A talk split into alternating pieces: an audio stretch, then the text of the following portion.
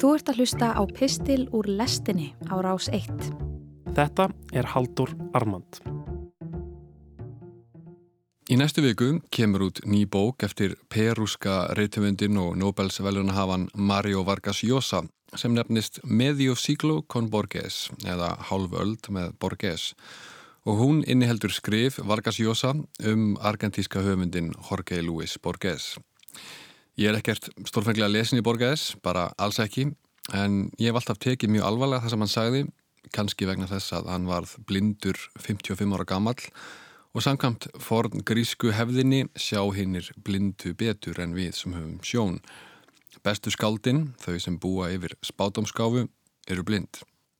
Og í tilöfni af því að bók Vargas Llosa um Borges er að koma út, byrtist á VF spænska dagbladsins El País gamalt viðtal frá 1981 þar sem Vargas Llosa spjallaði við Borges á heimili þess síðarnemda í Buenos Aires. Þar vekur Vargas Llosa meðal annars máls á því hversu spartanst heimili Borges sé. Þetta sé svolítið eins og að koma heim til klausturmungs, allt mjög lástemt og laust við íburð. Luxus telji vera lákúru, segir Borges þegar Vargas Llosa spyr hann hvort honum sé svona mikið sama um efningslega gæði. Á heimilinu eru þetta mikið af bókum en enginn þeirra er eftir borgið sjálfan og enginn þeirra er ummann heldur þótt vitaskuld hafi verið skrifaður um hann margar bækur þegar árið 1981. Nefna hvað, í miðju viðtalinu reyðjar Vargas Llosa upp ummæli sem hann hefur eftir Borges og þau eru svo hljóðandi. Ég hef lesið mikið en ég hef lifað lítið. Vargas Llosa segir að þessi setning sé í senn fögur og nostalgísk. Múi trísti, svarar Borges, mjög daburlegt. Þú hljómar eins og þú sjáir eftir þessu, segir Vargas Llosa þá. Þetta skrifaði ég þegar ég var 30 ára gamal, svarar Borges. Þá var ég ekki búin að átta mig á því að lestur er líka leið til þess að lifa lífinu.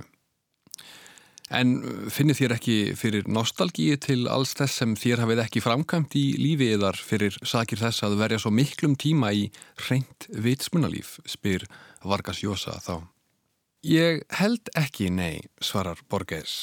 Ég trúi því að til lengri tíma þá upplifi maður alltaf nöðsynlegasta og að það mikilvægasta séu ekki upplifanir heldur hvað maður gerir við þær. Ritthöfundanir tveir fara ekki nánar út í þetta málefni eins og allar góðar viðfrettir passar Borgesi á því að segja ekki of mikið. Nú fer í hönd tími sumarleifana, tími sem flestir hlaka til, besti tími ársins. Ef ég hefði eina setningu til þess að lýsa sumrinu fyrir gemveru, myndi ég segja að það sé að sá tími ársins þegar fólk gerir eitthvað annað en það gerir venjulega. Það sé svona þumalputta regla og oftar en ekki er sumarið tími upplifana. Hvað finnst okkur um það sem Borges sagði við Vargas Llosa árið 1981? Er það rétt að það skipti ekki öllu máli hvað við upplifum heldur aðeins það sem við gerum við þessar upplifanir? Getur verið að sumarið sem upplifun skipti einhver sérstökum máli heldur aðeins hvað við gerum við þessa upplifun? Þegar ég las þessi svör Borges var mér hugsað til þess þegar ég rakst einu sinni á viðtalsbók Mattíasar Jóhannesen upp í skáp í sumarbústað og þar var viðtal við Borges þar sem hann sagði meðal annars Lífið er einkennilegt, því er ekki að neyta og ef við höldum okkur við reynsluna þá upplifum við þúsundsinnum eða miljónsinnum margvíslega reynslu á hverjum degi en gleymum mest öllu jafn óðum.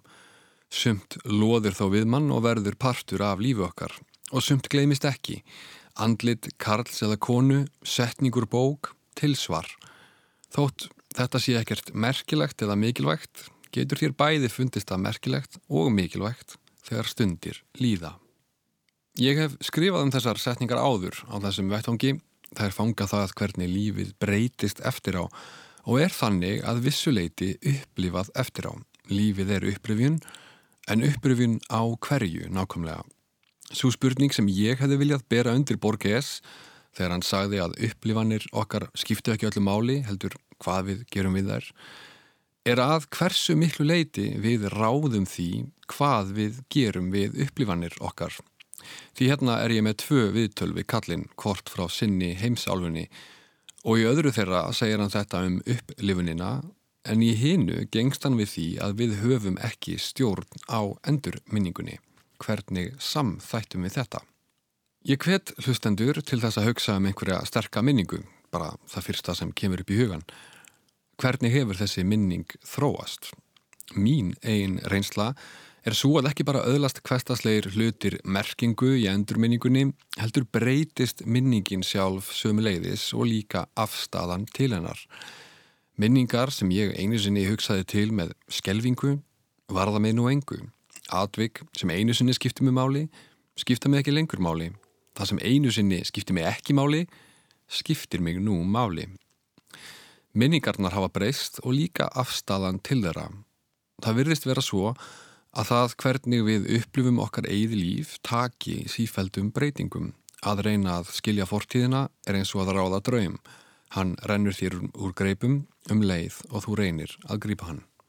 Að vissuleiti er þetta rauksemt fyrir gildi núvitundar sem í dag er svo vinsæl. Það er að segja Það er vitulegt að reyna að njóta lífsins um leið og það fer fram, en ekki leggja alla áherslu á að fanga það einhvern veginn svo það megi rivja upp síðar meir, vegna þess að endurminningin verður ekki á þínu valdi. Á samfélagsmiðlum hefur lengi verið vinsælt að byrta gamlar myndir með millumerkinu TBT sem stendur fyrir Throwback to, aftur kvarf til. Um hávetur sér maður stundum myndir frá sólarströnd settar inn. Þær eru TBT. Þegar ég sé slíkar myndir finnst mér gaman að velta fyrir mér hvað viðkomandi mann frá því augnabliki þegar myndin var tekin. Manstu eftir akkurat þessu augnabliki þegar þú stóðust á sólböðuðum sundlugar bakkanum og smelt var af? Eða manstu eftir ferðinni sjálfri? Manstu eftir sandinum á ströndinni? heitum sjónum, einhverjum áhyggjum, einhverji sorg eða gleði sem rammar þessa endur minningu inn.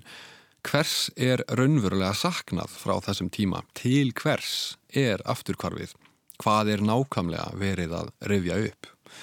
Maður getur auðveitlega ímda sér það að þegar kuldinn og myrkrið kreista bæði huga og bein sé auðvelt að ilja sér við myndir frá hlýri og bjartari tíma En var lífið raunverulega betra þá?